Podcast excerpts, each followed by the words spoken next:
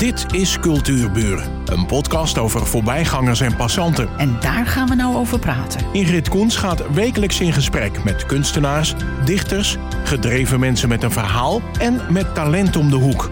Vandaag gaat ze in gesprek met Martine Wolkers, eigenaresse, of je mag ik wel zeggen, hè, van eh, studio, eh, zangstudio eh, Martine Wolkers. Je groeide op in Herengewaard en nu woon je in Schagen. Ja, dat klopt. Ja. Je passie voor muziek en zingen, dat gaat heel ver terug. En hoe oud was je eigenlijk? Want je bent begonnen in een kinderkoor. En ik vroeg me ook, ook af of dat in Herengewaard was. Ja, ik eh, ben opgegroeid in Heergewaard Noord. En eh, mijn moeder begeleidde daar op de piano het kinderkoor. En ehm, dus als vanzelfsprekend zongen mijn zus en ik daar eh, ook in. Ik heb geen idee meer hoe dat gegaan is eigenlijk. We zijn daar gewoon in gaan zingen in de kerk. En ehm, daar is, nou ik wil niet zeggen mijn zangcarrière begonnen hoor. Dat deden we gewoon eh, voor de leuk. Maar En, je eh, liefde voor het zang waarschijnlijk. Ja, is misschien wel daar ontstaan. Maar ik heb eigenlijk vroeger met mijn zus al heel veel gezongen thuis. We waren altijd al muziek aan het luisteren. Mijn ouders draaiden veel muziek. Ehm, ik speelde... Wat, wat voor muziek?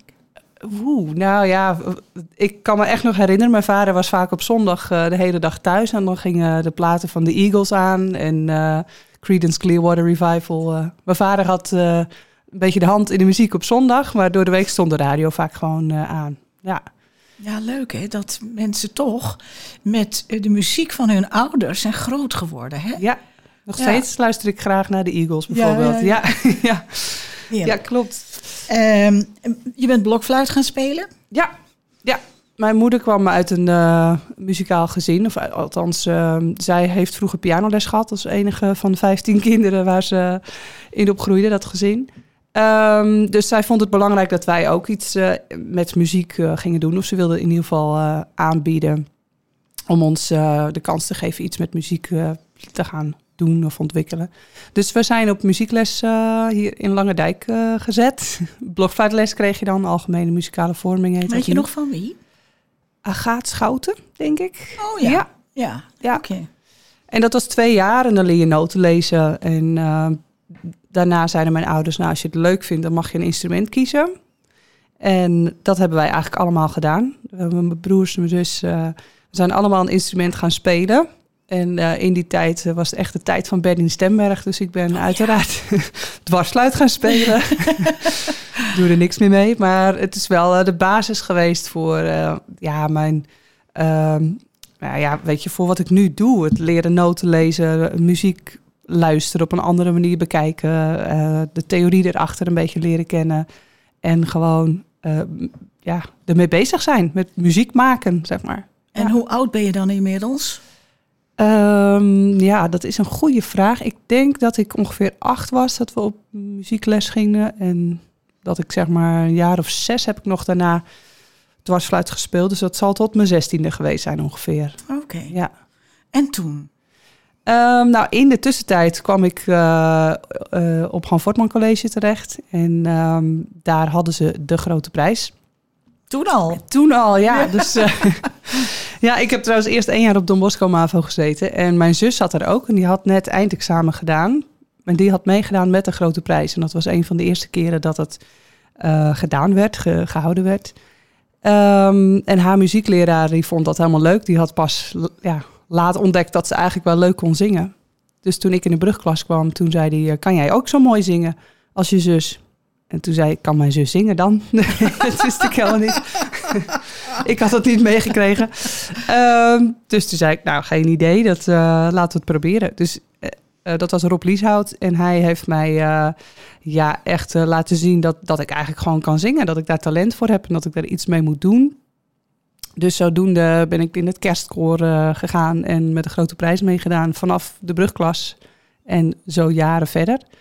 Dus dat is eigenlijk de start geweest van echt mijn, ehm, ja, het zingen op een podium voor mensen. Ja, dat vond ik heerlijk. Maar er is nog een groep die heel veel invloed gehad heeft daarop. Ja. Hè? Ja, ja, En ik was heel verbaasd dat ik die naam tegenkwam. ja. ja dat, eh, je doelt denk ik op de diatonica's, zoals Ja. het toen nog heette. Ja, ehm, dat was eigenlijk ook in die tijd. Ja, ik was denk ik op een gegeven moment een jaar of 16 en toen zochten zij nog nieuwe zangers en zangeressen.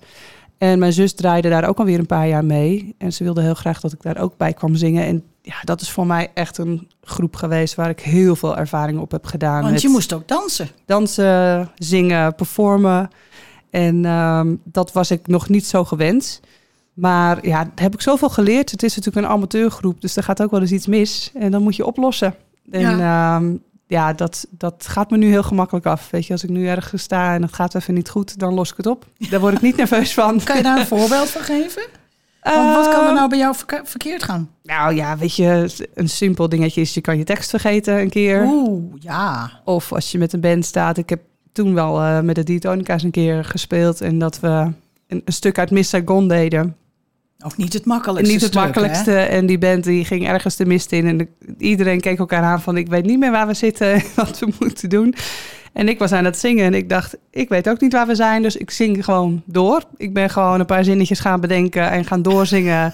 Toen dacht ik, en nu zet ik deze zin in... en dan snappen ze het allemaal wel weer, hoop ik. En toen kwam het goed. Ja, Ja, dat zijn nou ja. van die leuke dingen Ja. die dan tussendoor gebeuren. En waarschijnlijk heeft het publiek er helemaal geen erg in nee, gehad. precies. Nee. Zo hoort het, hè? Ja, The show must go on. ja. En ehm, toen ben je... ehm, was dat nou door die ervaring die je op had ge- gedaan bij de diatonica's... dat je naar het eh, conservatorium bent gegaan? En ja, er wordt vaak door, door muzici gezegd van... ja, en ik heb gestudeerd op het conservatorium. En, eh, maar dat is nog niet zo eenvoudig, want je wordt niet zomaar toegelaten. Nee.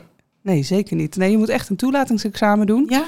Zowel ehm, een praktijkexamen, dus eh solfège, je gehoortraining. Ja, en, dat, eh, dan kwam ik op, ik wilde weten wat het was. Wat is Ja. dat, solfège? Dat is een gehoortraining. Dus als ik, als ik bijvoorbeeld een akkoord hoor, iemand speelt een akkoord op de piano of gitaar, dat ik dan kan horen welk akkoord dat is, bijvoorbeeld. Dus als ik een liedje hoor, dan kan ik zelf op mijn gehoor uitzoeken welke akkoorden er gespeeld worden, zodat ik het vervolgens zelf kan gaan spelen. Oh, is dat het? Ja, of afstanden tussen noten bijvoorbeeld. Of, Ik dacht eh, dat je dan altijd een eh, perfect gehoor had. Nee, nee ja, je kan heel veel trainen met je muzikale gehoor. Sommige mensen hebben wel een absoluut gehoor. Ja. Maar er- die, daar zijn er maar heel weinig van. Maar dat is dus een onderdeel van het toelatingsexamen. En daarnaast heb je natuurlijk ook gewoon echt... Ja, ik ging voor zang. Dus dan moet je gewoon zingen. En daar zijn heel veel goede mensen en zangeressen en zangers van in Nederland. Dus dan moet je echt eh, heel goed zijn of eh, he- heel goed je best gedaan hebben... en net in een lichting zitten dat je ja, een van de betere bent. Ja, Nou, dan maak je het wel heel eenvoudig. nou ja, In de nee, lichting het is, zitten eh, van... Het is wel je eigen talent die je dat moet Ja, doen. tuurlijk. Ja, Ja. Je, moet En- talent en, of aanleg Ja, hebben. En, ze moeten hun, ja, hun aandacht prikkelen. Ja. Ja. Nou was mijn vraag eigenlijk... zijn de diatonica's daar gedeeltelijk de oorzaak van geweest... dat je naar eh, Amsterdam ging? Eh, ja, ik denk indirect wel. Want ik wil, wist niet zo goed wat ik wilde worden. Eh, ik wilde iets met lesgeven doen of aan kinderen. Of ik dacht meer aan de richting van de PABO en dan een specialisatie bijvoorbeeld in eh, moeilijk lerende kinderen of iets dergelijks. En toen was mijn docent Engels op de HAVO, die zei: Ja, maar kijk eens diep in je hart. Weet je, wat wil je nou echt eigenlijk? Toen dacht ik, nou, hoe, hoe bedoel je dan? Waar heb je het over? Wil je niet gewoon lekker gaan zingen? Weet je, wil je daar niet je beroep van maken? En ik had daar zelf nooit zo over nagedacht. Ik wist dat ik er heel veel plezier aan beleefde en dat ik het heel leuk vond. Maar ik had dat meer altijd als soort eh, hobby gezien die ik dan daarnaast deed. En hij heeft me eigenlijk aan het denken gezet. En toen dacht ik, ik ga het gewoon proberen. Ik had alleen nooit zangles gehad. Dus ik moest in een half jaar tijd nog al zo'n malle op zangles. en kijken eh, ja, hoe ver ik daar eigenlijk in stond. En ehm maar, ja, eh, zangdocent van toen die zei: We gaan het gewoon eh, proberen. Je hebt het talent en het aanleg. En eh, ik ga je een beetje klaarstomen voor, eh, voor je examen. En dan, dan zie je het wel. Spannend, hè? Ja, ja, Goh. ja. Maar je volgde daar ook verschillende workshops. En daar kwam ik een paar hele grote namen tegen. Ja, klopt. En voor mij is dan natuurlijk Willem Nijholt iemand. Maar dat was toch een, een cabaretier, kleinkunst. Eh, Eh, nou, het is ook een hele goede jazzzanger. Oh, Willem Nijholt. Ja, maar hij is ook wel eh, een soort theaterdier, zeg ja, maar. dat was het ook, ja. Ja, en ehm, ik moet zeggen, in de tijd dat ik naar het conservatorium ging, werd er niet heel veel gedaan aan presentatie. Eh, Ik kon me daarin redden omdat ik daar enige ervaring in had. eh, van de diatonica's, ja. Ja. Dus mijn zangtechniek was niet zo goed, maar ik blufte me altijd een beetje doorheen met ik ging daar gewoon staan en, en zingen. Ehm, en hij was bijvoorbeeld iemand die dan echt eh, veel dieper inging op, maar welk verhaal vertel je nou en hoe ga je dat nou laten zien? Weet je, als je een liedje zingt en eh, we gaan niet gewoon staan en een liedje zingen, maar je vertelt een verhaal en dat willen we ook. eh, we willen dat horen in je stem, maar we willen ook zien in hoe je staat of je expressie, hoe je dat nou eigenlijk alleen maar sterker kunt maken. Dus hij was iemand die daarvoor uitgenodigd werd om ons daar een beetje iets in bij te brengen. Ja, leuk. Was een hele, Ja. hele eh, charismatische man was dat ook, hè? Ja, En dan kom ik hier tegen Madeleine Bell, Deborah Brown, Rachel Le Bon, Nancy Marano, Catherine Zadolin en Annemarie Speed. En achter die naam, daar staat Estill Voice Training System. ja, Vertel daar Ja. eens wat over. ja Catherine Sarolin en, ehm en eh, het Estiel Voice Training. Oh, maar Madeleine Bell, was dat niet een, eh, een klassieke eh, eh, zangeres? Eh, volgens mij is zij een jazzzangeres ook. Oh, maar dan ik heb moet ik zeggen, dat- ja, dat Ja, moet ik even opzoeken Ja. weer. Nou, we kregen eigenlijk daar regelmatig workshops van mensen uit het vak, als het ware. Die, eh, en de een was gespecialiseerd in improviseren en de ander dus meer in presentatie of eh, het verhaal. Ehm, en maar die laatste twee, zij zijn echt eh, ehm, van vernieuwende zangtechnieken. Zangtechnieken die de laatste jaren eh, eigenlijk soort baanbrekend zijn en vernieuwend. We, vroeger werd heel erg gewerkt vanuit de klassieke stand met zingen, de klassieke muziek. Maar popmuziek en lichte muziek, waar eh, jazz en blues en soul en al dat soort dingen onder vallen. Daar wordt soms heel anders in gezongen, zelfs in rock en musical. Dus eigenlijk wilden ze een beetje van die klassieke stand, eh, zijn zij gaan onderzoeken, die twee, naar hoe kunnen we dat nou eh, vertalen naar lichte muziek. En daar zijn zij echt eh, baanbrekend in geweest. Maar wat moet ik me daarbij voorstellen dan? Nou, dat je als je klassiek zingt, dan zing je, een klein voorbeeldje is veel meer in een soort lange stand, met je mond bijvoorbeeld. En ehm, zij zijn eigenlijk door onderzoek erachter gekomen dat je bepaalde klanken in de, in de popmuziek en in de rockmuziek bijvoorbeeld veel meer in de breedte kunt pakken om een bepaalde sound te maken. En vroeger werd dan gezegd, dat is helemaal niet goed, dat is slecht voor je stem. En zij hebben dus eigenlijk laten zien dat dat helemaal niet slecht hoeft te zijn als je het maar op een goede onderbouwde manier aanleert en doet. Dus zij zijn eigenlijk gewoon eh, gaan kijken van welke mogelijkheden hebben we nog veel meer. Want er zijn een bepaalde technieken en daar werken we maar mee. Maar volgens mij moet het anders kunnen. Nou, ik weet niet of jij die toen gezien hebt, die aflevering van Beste Zangers met eh, eh, Henk Poort en, eh, oh, ik ben altijd haar naam Ja, kwijt. eh, Jansen heet ze denk ik. Ja. Ja. Dat, dat stuk uit Phantom. Phantom, ja. Ehm, en toen, toen zong hij met zijn stem, zijn getrainde klassieke stem, zong hij Distortion. ja, precies. Nou, Ja. ik heb nog nooit zoiets geweldigs gehoord. En dat is ook wat jij bedoelt. Dat is ook wat ik bedoel. Ja, vroeger werd gezegd, ja, dat rauwe randje op je stem, dat is allemaal slecht voor je stem, moet je niet doen. En nu wordt er gezegd, eh, je moet een getrainde zanger zijn om dat goed te kunnen Ja. doen. En als je dat dan op een goede manier aanleert, door middel van die nieuwe technieken, dan kan dat zonder dat je je stem eh, daarmee verpest, zeg maar. Ja, ja. Eh, naast zangtechniek besteed je ook veel aandacht aan het trainen van het gehoor in je zangstudio. Wat bedoel je daarmee? Nou, dat is eigenlijk dat stukje solfège. Wat ik net zei, dat je, kijk, als je zingt, ehm, dan kan je van blad lezen. Je kan eh, bladmuziek hebben en de nootjes lezen. Maar de, de meeste mensen die bij mij zangles hebben, die kunnen helemaal geen noten lezen. Dus zingen doe je heel veel op je gehoor. En ehm, als ik start met een zangles, dan zing ik ook veel zangoefeningen met mijn leerlingen. Enerzijds om techniek te trainen, maar ook anderzijds om dat gehoor te trainen. Want je wil natuurlijk zuiver kunnen zingen. En dat kan eigenlijk alleen als je ook goed in je hoofd weet welke nootjes je moet gaan zingen. Want dan kun je je- stemapparaat, zoals we dat noemen, kun je ook klaarzetten om de juiste noten te pakken. Dus je gehoor is eigenlijk heel belangrijk bij zingen. Ja, Moet je ook technisch verhaal. Ja, nee, maar dat vind ik juist zo leuk, want wij weten daar eigenlijk zo weinig van. Ja, Maar dat je stem klaarzet. Uiteindelijk is je stem je instrument. Een Ja. ander pakt een, een, een dwarsfluit Ja. en jij pakt je stem. Dus Ja. wat bedoel je dan met klaarzetten? Is dat een kwestie van oefenen, warm draaien? Nou, dat weten we ook allemaal, maar klaarzetten. Ja, nou ik bedoel eigenlijk meer. Kijk, als je dwarsfluit speelt bijvoorbeeld, dan zet je je vingers op een bepaalde, hè, bepaalde kleppen gaan open en dicht. En die stand heb je een bepaalde noot. En bij zingen heb je die klepjes niet of die toetsen die je in kan drukken. Je moet alles eigenlijk van binnen in je strottenhoofd eh, klaarzetten. En dat wil zeggen, als ik een hoge noot moet zingen, dan moet ik dat hele stemapparaat anders klaarzetten. Dus mijn, mijn strothoofd gaat bijvoorbeeld iets meer omhoog. Of ik maak wat meer ruimte in de breedte. Of mijn gehemelte moet iets omhoog. Of mijn tong moet iets lager. Of je moet je ademhaling klaarzetten. Dus er zijn heel veel fysieke handelingen die je dat- kunt dat doen. doe je zelf. Dat doe je zelf, ja. Ja, want zo leer je eigenlijk ook die controle over je stem te krijgen... door zelf eh, heel bewust bepaalde spiertjes wel of niet aan te spannen. Of in een bepaalde stand klaar te zetten bijvoorbeeld. Ja. Je, uh, je strothoofd zelf kan bijvoorbeeld al omhoog en naar beneden bewegen. En je stembanden zelf kun je natuurlijk ook... je kan heel veel spanning op zetten. Dus je kan ze heel erg dicht drukken, maar kan ze ook helemaal openzetten. Als je gaapt, staan ze helemaal open, bijvoorbeeld. Ja, Kenneth zit ja te schudden. Ik wou net Ik zeggen, ik zit van. hier volledig verbaasd te kijken. ja. Want ik vind dit, eh, ik, ik, ik vind dit echt eh, fantastisch. Ik, Ja. ik, ik kan me er niks bij voorstellen. Ik, pro- ik probeer, probeer ja. te, te voelen wat jij, wat jij zegt, maar ik voel niks. Nou, dat maakt het zingen zo'n moeilijk instrument. Want je kan niet die ene toets, oh, ik heb een verkeerde toets, dan moet ik die andere hebben en dat ga ik dan oefenen. Je moet het allemaal maar leren, aanvoelen en ermee werken. Dus dat Maar, maar stel voor, je, je zet een verkeerde toon in, hè? want dat kan dan Ja. dus ook. Ja. Kan je die dan naar het goede moment trekken? Nou, daar komt dat stukje gehoortraining bij. Kijk, als je dus dat goed ja. hoort, dat je denkt, hé, hey, ik zit niet helemaal goed. Ik hoor dat bij mezelf. Dus weet je, mijn, mijn noot is ook wel eens heus wel eens een keertje niet helemaal lekker. En dan trek ik hem razendsnel omhoog of naar beneden om op de goede noot te zetten. Maar daarvoor moet wel je gehoor dan weer goed getraind zijn. Ja. Goh.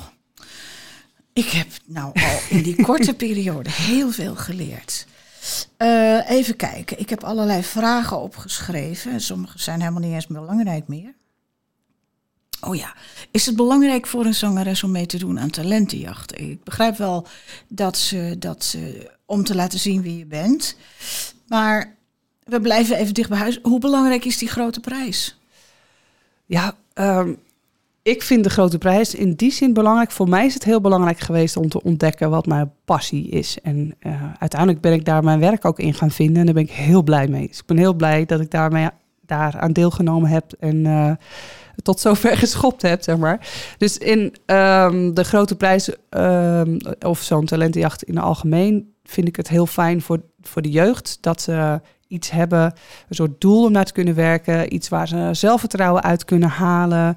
Ehm, en dus ook als ze een stukje muzikaliteit hebben, dat er een podium is of ruimte is om daar iets mee te doen op de middelbare school. Want dat is er vrij weinig op eh, de meeste middelbare scholen. Ehm, dus zoals de grote prijs, daar, ja, dat kan ik alleen maar toejuichen. Ehm, talentenjachten eh, in het algemeen als The Voice en dat soort dingen sta ik zelf niet altijd heel hard om te springen hoor. Dat, is, dat moet iemand echt willen, wil hij dat eh, daaraan mee gaan doen. Hij loopt natuurlijk ook het risico dat hij gigantisch op zijn bek gaat. Hè? Ja. En dat eh, moet je als jong mens ook maar aankunnen. Ja, Maar je begint nu over The Voice. Eh, dat meeste mensen kennen het wel, waarin bekende Nederlandse artiesten een aanstormend talent onder hun hoede nemen. Maar stel je voor, zo iemand loopt in onze omgeving rond. En hij weet niet goed, hij of zij, wat hij moet doen. Hij vindt zichzelf vaak niet goed genoeg. Heeft geen ervaring met zangaudities, musicals, talentenjachten, muziek of musical op vakopleidingen, toelatingsexamens voor conservatoria. Wat zou je zo iemand aanraden? Om wel of niet mee te doen. eh, Nee, nee, niet met de? Voice. Nee, ik eh, nam de Voice even als, als voorbeeld. Daar nemen dus die, die eh, artiesten nemen dan dat aanstormend talent onder hun Nee. hoede. Maar als iemand die gewoon denkt van nou, ik ben gek op zingen. Mijn Ja. passie is zingen. En die weet gewoon helemaal niet wat hij met zichzelf aan moet. Ja, Wat raad je dan aan? Hoe, hoe moet zo iemand dan toch dat vinden?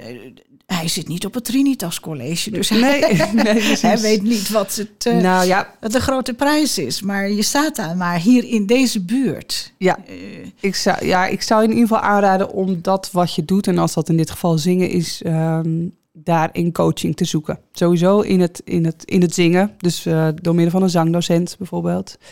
Ehm, gaat maar, dat, maar wat zou jij met zo iemand doen? Zou je zeggen, kom maar naar me toe, ik, ik Ja. help je? Ja, ik zou eh, sowieso naar die stem gaan kijken. Van nou, wat kunnen we daar in, korte tijd bijvoorbeeld uithalen? Of wat is belangrijk om te leren voor jou? Welke dingen kun je allemaal al heel goed?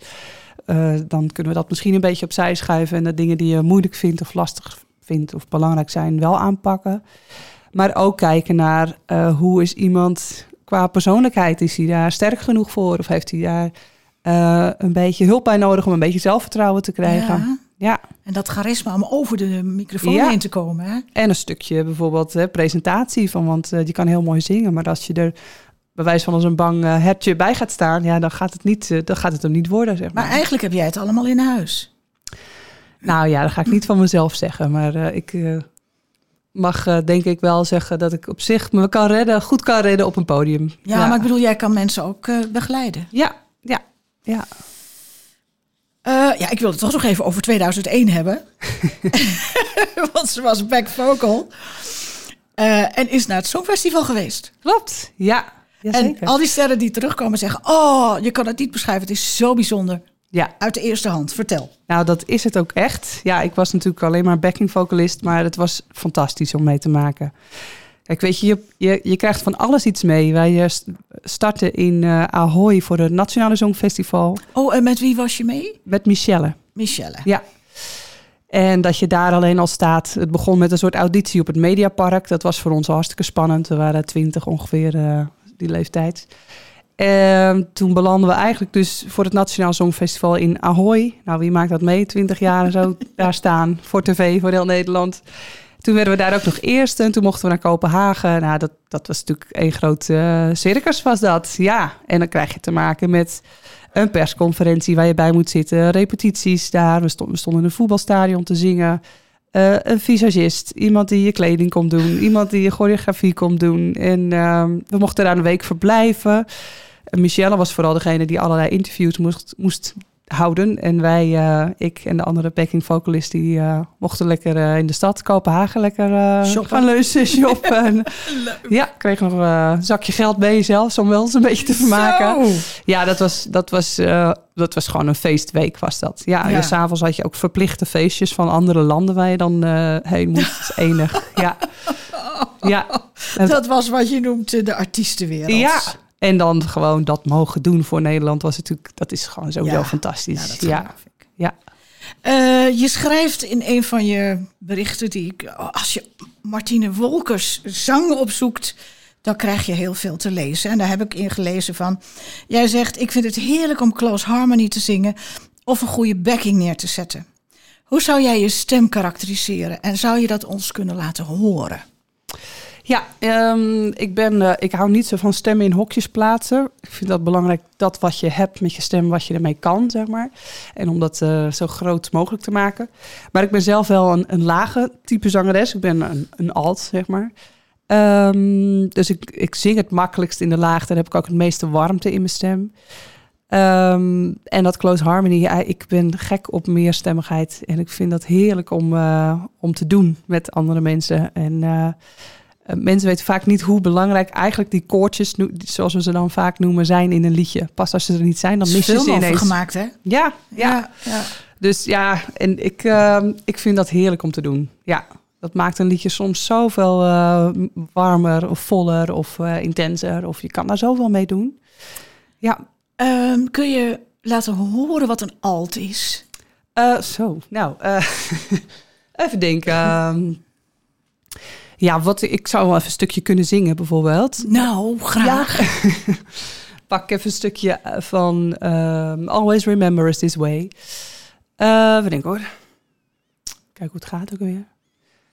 That Arizona sky is burning in your eyes. You look at me and babe, I wanna catch on fire. Eh, geen idee wat de tekst meer is, maar dat is een stukje laag, zeg maar. Ja. Ehm, en ik kan ook wel hoog horen en heel hard, maar dat ga ik niet eh, hier doen. Maar eh, ja, wat, wat ik een mooi stukje... Moet hoog altijd hard? Nee, dat hoeft niet. Nee, oké. maar vaak, weet je, we horen natuurlijk heel veel liedjes waarin altijd maar uitgehaald wordt. Want laat ze even zien eh, wat ik allemaal kan met mijn stem. Oh ja, oh vreselijk vind ik dat. Ja, dat hoeft dus niet. Die mensen die op Nee. hun tenen gaan staan. Ja, ja.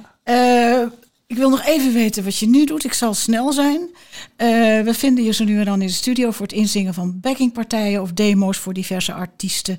En jij jureert nog steeds bij de grote prijs. ja klopt. Ja. Leuk dat je er was. En ik hoop in de, in de toekomst nog veel van je te horen. Ja, dankjewel. Oké. Dit was Cultuurburen. Een podcast van Ingrid Koens en Streekstad Centraal. Bedankt voor de aandacht en tot de volgende Cultuurburen.